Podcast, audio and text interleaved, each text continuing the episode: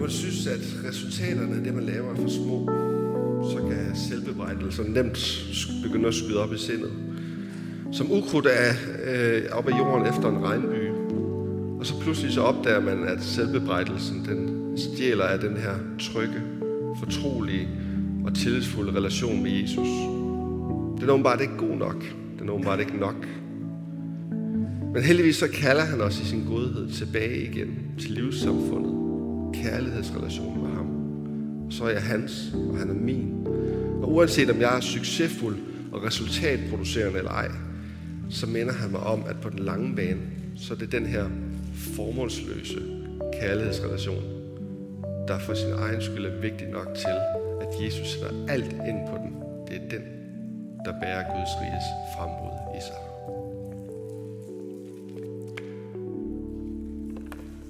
Tak skal I have, Lars Jeg blev sådan inspireret til at, øhm, at starte med at læse den her lille tekst som indledning. Det er jo ikke noget, jeg selv har forfattet eller fundet på. Det er faktisk heller ikke noget fra Bibelen. Det er fra en bog øh, af Gunni Bjørsted, som hedder Elske nok til at tale sandt. Gunni Bjørsted er en, min gamle chef i virkeligheden. Min gamle mentor, præst i det sjællandske. Øh, og sådan en ivrig retrætemand, hvilket også næsten ud fremgår af teksten. Ikke? Og grunden til, at, at jeg lige nøjagtigt fik lyst til at læse den her tekst, det er fordi, jeg går og barsler med, med noget. Kender I det der, når man ikke lige kan finde ordet? Man kan ikke lige komme i tanke om, hvad det rigtige, det præcise ord er for en eller anden ting. Og man prøver sådan at bruge nogle andre ord om det, for sådan ligesom at tilnærme sig. Har I nogensinde oplevet det? Der er andre end mig. Godt. Jeg har sådan et helt kompleks af ord. Der er noget, Gud forsøger at forklare mig, så jeg kan forstå det. Jeg kan simpelthen ikke rumme det. Altså, jeg har simpelthen svært ved at sætte ord på det, og det er det, jeg vil, jeg vil sådan prøve at lave et tilløb i dag, og prøve at kigge på det. Men i virkeligheden, så den her tekst går hen og bliver sådan en, den er ret tæt på.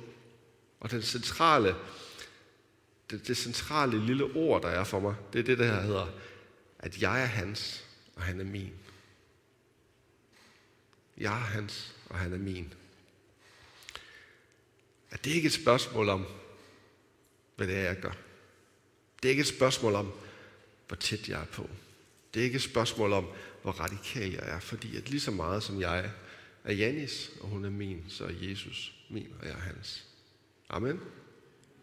Tror ikke, det bliver et ret godt ord, når jeg bliver færdig med det?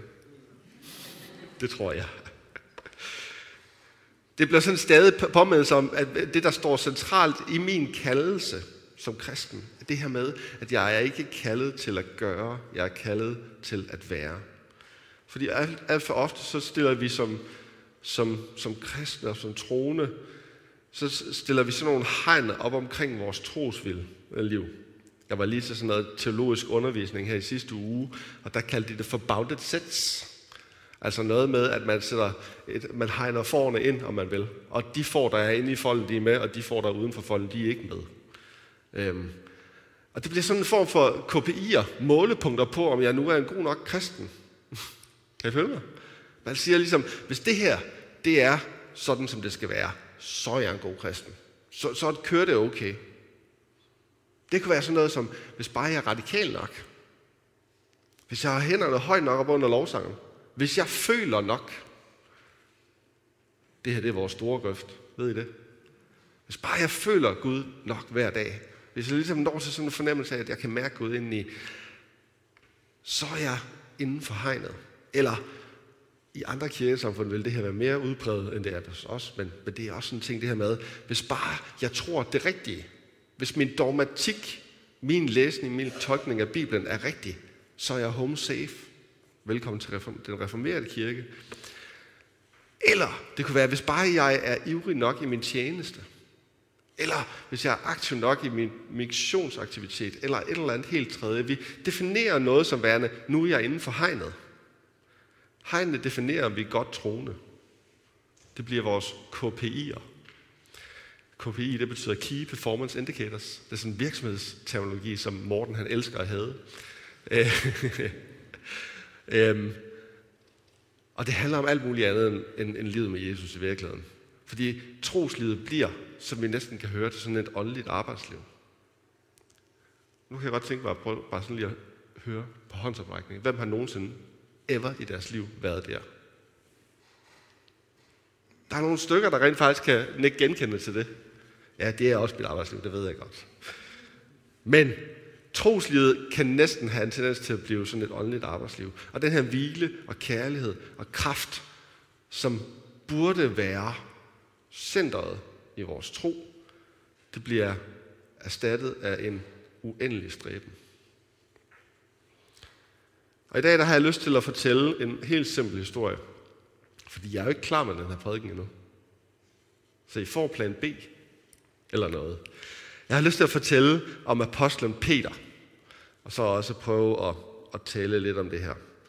Og apostlen Peter, han er jo, ja, det skulle de også høre om i børnekirken, så det var jo, det var sjovt. Det var ham, der gik på vandet.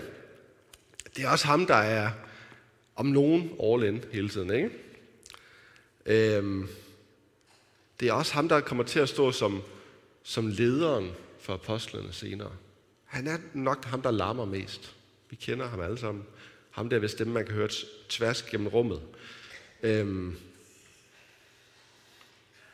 Men, men, men, men der er også bare nogle gange, hvor Peter han sådan falder lidt igennem. Hvor, det, altså, hvor de der store proklamationer, de, de bider ham bag i. Og det er lidt det, vi skal prøve at kigge på i dag. Og vi skal prøve at læse fra, øhm, nu prøver jeg at gøre sådan her, så, så ser det ud, som jeg skifter. Yes, vi prøver at skifte til næste. Ding. Den kommer. Sker noget. Jeg ved, der sker noget. Lige om lidt sker noget. Nå.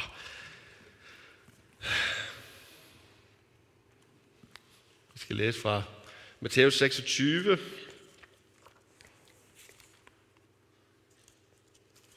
Skal vi... Øh...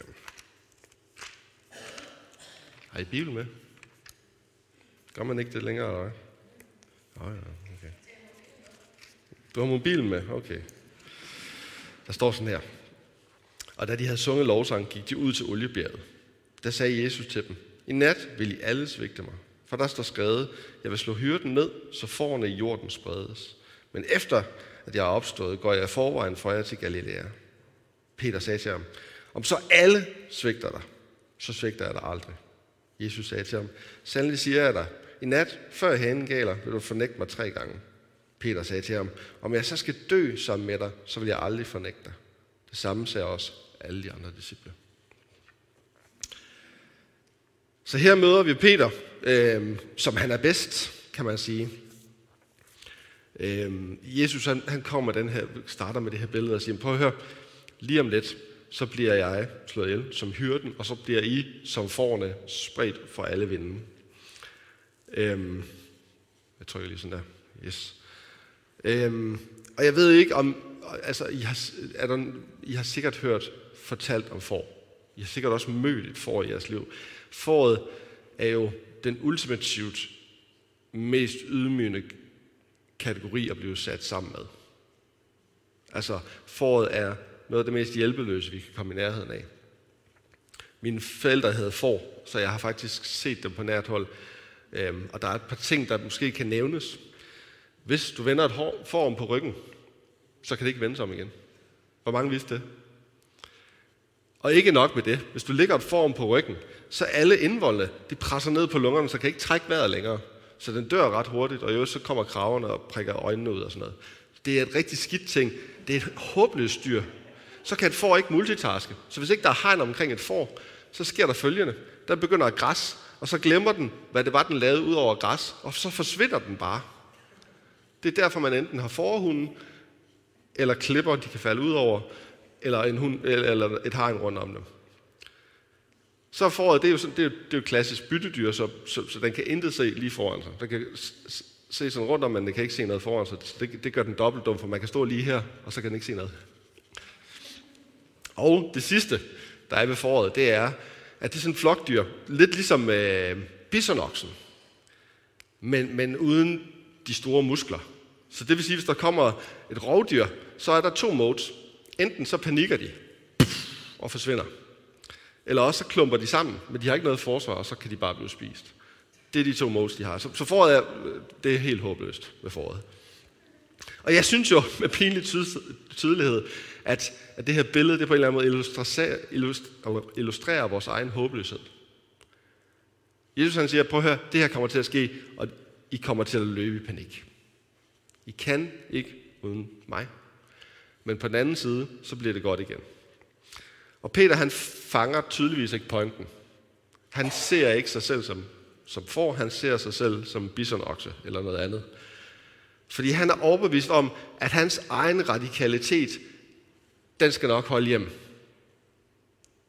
Og, og, og et eller andet sted, så hvis vi skal prøve at følge Peter her, for vi skal også være færre over for Peter, vi skal ikke gøre ham til mere foran, han er. Han har haft et godt run. Den første, der bliver kaldet, det er Den første disciple, der bliver kaldet, det er, det er Peter. Det var nemt. Kom on. Og der, hvor Tim Jesus sådan ligesom var blevet samlet, så mødtes de i hvis hus? Peters. Yes, I er ved at lære det nu. Godt. Den første til at proklamere Jesus som Guds søn, det var Super. Kan I huske i gamle dage i børnekirken, der var svaret altid Jesus. Men øh, i dag er det så Peter. Godt. Han har fået profeteret over sit liv, efter han siger, Jesus Kristus, du er, øh, du er, du er Kristus Guds søn, så får han profeteret over sit liv, at han skal være kirkens klippe, som døden aldrig nogen skal kunne overvinde. Det er blevet sagt ind over hans liv. Det er den profeti, der ligger ind over hans liv. Og han har uddrevet dæmoner, og han har helbredt syge, da han var sendt ud som de 12 og de 70. Han har været på bjerget, og han har set Moses og Elias og været ved at lave en Roskilde Festival deroppe, fordi der var fedt at være. Så, så han, han har haft et rigtig godt run. Så hvis der nogensinde har været en trone i den her verden, der var radikal i sin efterfølgelse, der bare ville det her, så har det formentlig været Peter. Han har måske været det allermest radikale, man overhovedet kan møde. Og han proklamerer, at selvom hele verden, selvom alle de andre, Jesus, selvom de der, som er sammen med os, de skulle stikke af, så vil jeg aldrig nogensinde svigte dig. Og så kan man næsten høre Jesus suk. Man kan sådan næsten... Fordi Peter ville jo ikke bare svigte. Han ville jo ikke bare stikke af. Han ville faktisk benægte et hvert kendskab. Han ville faktisk nå så langt som til og bande og svæve og sige, prøv at høre, jeg kender ikke den mand. Hvilket i virkeligheden gør ham til den aller ringeste af disciplerne i den situation. Og så kan man sige, hvordan i alverden endte det der? Hvordan kan det være, at det var lige præcis der Peter endte? Har I nogensinde tænkt over det? Hvordan kan det være, at Peter, som var den allermest radikale herover, i virkeligheden er den, der ender allermest i den modsatte grøft og bare siger, alt. Det er også ham, der siger, det er også lige meget, jeg går ud og fisker. Så kan det også bare være. Og jeg tror, det er fordi i det øjeblik, at Jesus var væk, så var der ikke noget at være radikal for længere. Og øh, vi skal lige en tak tilbage. Yes. Hvor mange kender siloolien i Odense? Synes I, den er smuk? Vidste I, at der er en gruppe, meget aktiv gruppe, der hedder øh, Foreningen til Siloøens Bevarelse. Der er nogen, der er imod, at siloen bliver revet ned, fordi at de mener, at det er noget kulturhistorie. Det er sådan set uinteressant. Det, der er interessant, det er, hvad der sker, når den her silo bliver revet ned, for det gør den. Tror I så, at den her gruppe til Siloøens øh, beskyttelse, den fortsat består? Nej, den forsvinder sandsynligvis. Og det er fordi, at objektet for den gruppe, det er at bevare den silo. Og når den silo er væk, hvad sker der så?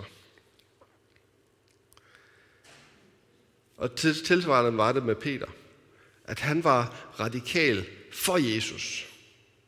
Jesus var objektet for hans radikalitet.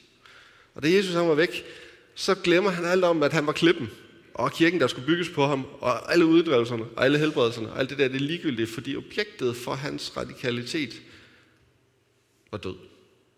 Det er slut, der er borte. Og så har vi bare en disillusioneret Peter, som benægter et hvert kendskab, men jeg har aldrig haft noget med Jesus at gøre. Nej, jeg var da ikke en del af den der silogruppe der. Hvad tror du? Og så går han sin vej og græder bittert. Og det var, altså min overskrift her, det er sammenbruddet. Fordi det er bare sådan en, hvor vi bare ser en super radikal person, der bare fuldstændig bryder sammen. Der er ikke mere at være radikal for. Og han går væk, og der står, at han græder bitterligt. Så kommer vi til, til det, jeg vil kalde genoprettelsen. Øh, og der skal vi læse fra Johannes evangeliet. Det er interessant at lægge mærke til, at den her historie om Peter, hvad hedder det, benægtelse, som bliver forudset sagt, den kan vi, både, den kan vi læse både i Matthæus, Markus og Johannes evangeliet. Øhm, at den simple årsag jo, at, at det foregik mellem disciplene, og derfor så har alle de her tre evangelister ligesom hørt det, og de genfortæller det. Øhm, hvorimod historien om det her, det findes kun i Johannes evangeliet. Det kan vi lige tage senere, hvorfor jeg tror det er, men det, det var meget tankevækkende. Men vi skal læse Johannes evangeliet 21, vers 15, hvor der står sådan her. Det er ikke nemt at læse, men jeg læser højt her. Da de havde spist, siger Jesus til Simon Peter, Simon, Johannes søn, elsker du mig mere end de andre? Han svarede, ja herre, du ved, at jeg har dig kær. Jesus sagde til ham, vogt min lam. Igen for anden gang sagde han til ham, Simon, Johannes søn, elsker du mig? Han svarede, ja herre, du ved, at jeg har dig kær. Jesus sagde til ham, hvad hørte for mine får? Jesus sagde til ham for tredje gang, Simon, Johannes søn, har du mig kær? Peter blev bedrøvet, fordi han tredje gang spurgte ham, har du mig kær? Han svarede ham, herre, du ved alt, og du ved, at jeg har dig kær. Jesus sagde til ham, vogt mine får. Yes. Det vi så læser udenbart bagefter, det er, at Johannes sidder lige ved siden af og lytter med. Så Johannes han hører det her. Der står, der står faktisk, at Peter vendte sig rundt, og så så han den disciple, som Jesus elskede. Det, det har han både omtalt sig selv på, øhm, der så har siddet og lyttet med. Det er jo ikke en historie, som Peter har været så stolt af. Så, så, så Markus evangeliet, som jo ellers er der, hvor, hvor Peters overlevering ligesom fremgår, har ikke den her historie med. Det var ikke, det var ikke et stolt øjeblik i Peters liv, tror jeg. Det er i hvert fald tankevækkende, at den kun er i Johannes evangeliet. Øhm, og, og det første, vi skal lægge mærke til i den her del af historien, det er, at Jesus han tiltaler ham overraskende formelt. Han siger, Simon, Johannes søn. Johannes søn. Øhm, han siger ikke Peter. Han siger ikke klippen, men han, han tiltaler ham faktisk med, med det navn, som Simon havde, eller som Peter havde, før han mødte Jesus. Der gik ikke ret mange sekunder fra Jesus møder Peter og kalder ham, og til han siger, du skal hedde Peter. Så Simon Johannes søn var på en eller anden måde, altså det var et navn fra før Peter overhovedet kom i gang med det der med Jesus. Og pludselig så tiltaler Jesus ham med Simon Johannes søn. Og så kommer det her super skarpe spørgsmål, som vi pludselig forstår, når vi lige har læst en tidligere historie. Fordi Jesus han siger, elsker du mig, vil man gerne skifte, mere end de andre. Hans første, første spørgsmål er ikke, Peter, elsker du mig? Det er, elsker du mig mere end de andre? Hvordan var det lige, Peter? Elskede du mig mere end de andre? Var du mere radikal end de andre? Blev du hængende længere end de andre? Hvordan var det lige? og det er tydeligt mere ydmyg Peter, som svarer, øh, du ved, jeg har dig kær. Og så modererer Jesus spørgsmålet lidt og siger, øh, Simon, Johannes søn, elsker du mig? Og Peter svarer igen sådan lidt afdæmpet, du ved, at jeg har dig kær. Og her der skal vi være glade for vores 92 blyfri oversættelse, fordi den lige netop skældner mellem elsker og kær. På græsk der hedder det agape og phileo, som er sådan to ord, der beskriver kærlighed. Der er flere, men de tre væsentligste er agape, som er guddommelig perfekt kærlighed. Så er der eros, som er seksuel kærlighed, og så er der phileo, som er broderkærlighed, eller øhm, medmenneskelig kærlighed på en eller anden måde. Det var godt, godt ord, Jenny. Øhm, og Jesus spørger i virkeligheden, elsker du mig? Og bruger agape. Har du fuldkommen kærlighed til mig? Du ved, elsker du mig, som du sagde. Og Peter han, han siger, jeg holder dig enormt meget af dig. Det er noget mere, noget mere ydmygt, ikke? Og rent faktisk så tredje gang, Jesus spørger, så modererer han igen spørgsmålet. Først så sagde han, elsker du mig mere? Så sagde han, agape, altså, du ved, elsker du mig? Perfekt. Øh, og nu siger han bare, har du mig kær? Peter, har du mig kær? Og så bliver Peter bedrøvet. Og, det, øhm, og der, der har været spekuleret meget i, hvorfor det er, han bliver bedrøvet.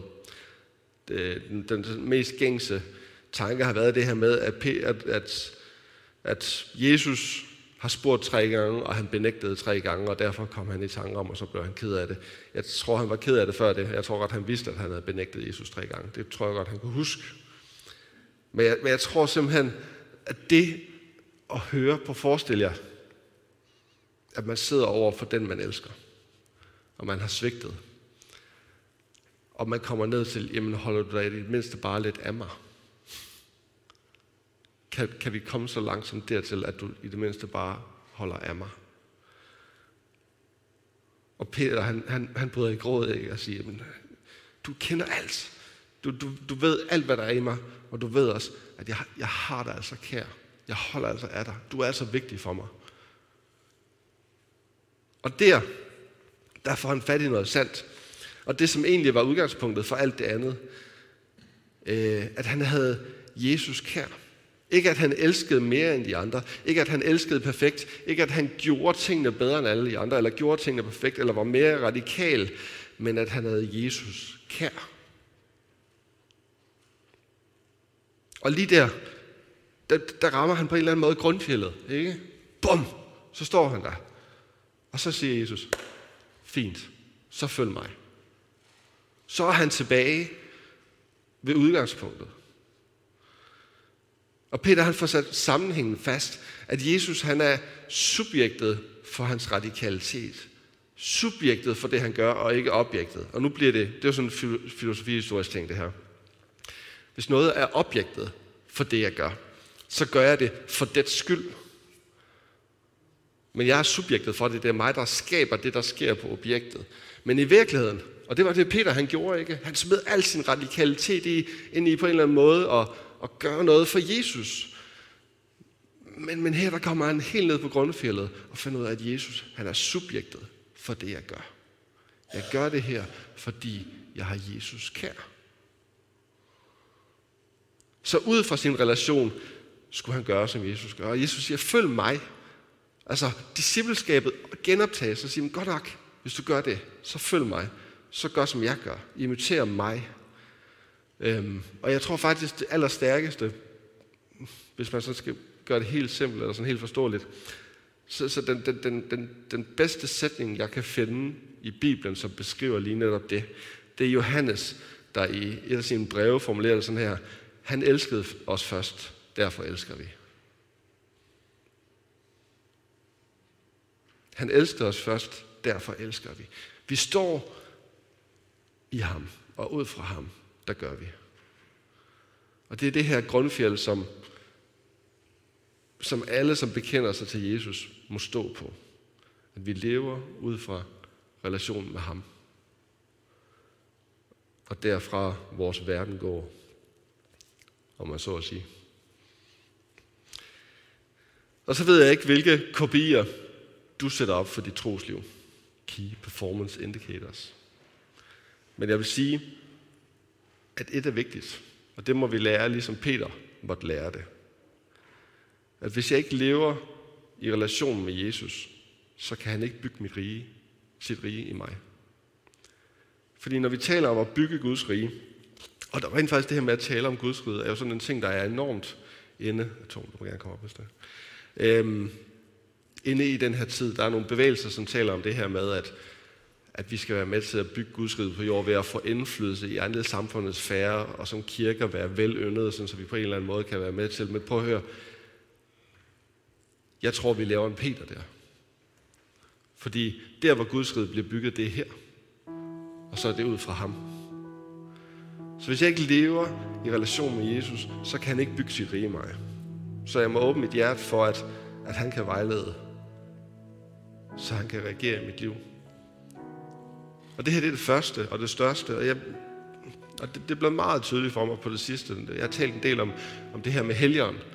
Og hvad helgeren gør, og karismatik og sådan noget. Det, det, det blev sådan lidt mit teologiske område. Og prøv at høre. Vi kan ikke komme udenom, at når vi taler om det der med heligånden for eksempel, så er det første og det største, det er, at han begynder at regere i mit liv. At, at helligånden begynder at pege på områder i vores liv, hvor der er brug for, at vi åbner op og lader ham rydde op. Det er det første. Det er, at vi lader hans ord på en eller anden måde gå ind og dømme os. det lyder så hårdt. Men det der med, at, vi, at, at, at det får åbnet op for noget, at det, det burde vi også få gjort noget ved det her. Det her bliver vi også nødt til at gøre op med, og så videre, og så videre. Det er det første, at vi må åbne vores hjerte for hans vejledning. Og så at jeg må lære hans hjerte at kende. Vi, vi har den her fantastiske øh, øh historie, hvor Jesus står og kigger ud over en folkemængde. Og så står der, han ynkedes ved dem. Og han så, at de var som en, de var forkommende, og som får uden hyrde. Og så siger han, markerne er hvide til høst. Bed derfor om, at høstens herre må sende høstarbejdere. Så han siger ikke, gå ud. Han siger, bed høstens herre om at sende høstarbejdere. Det der med, at når hans blødende hjerte, når, når det der, at vi ynkes over noget, at vi får en nød for det, vi ser, det skabes, når vi står på det her grundfjeld, hvor vi lader Jesus gøre det i os. Fordi ellers så kan vi, vi kan godt finde på noget at lave. Er det ikke rigtigt som kirke? Vi kan godt sige, at det her, det synes vi er en god idé. Men, men vi bliver nødt til at lade hans hjerte blive vores først. Fordi det er derfra, det går. Og så må jeg høre hans tale, fordi hvis ikke jeg hører hans tale, så kan jeg ikke give det videre. Jeg er teolog. Jeg har brugt en del af mit liv på at læse den her. Og på at lære en masse rundt om den her. Og til syvende og sidst, så kan jeg ikke skrive en prædiken søndag morgen, hvis ikke han giver mig ordene. Sådan er det bare. Vi bliver nødt til at høre hans tale, før vi giver hans tale videre, fordi ellers bliver det bare bogstaver. Amen.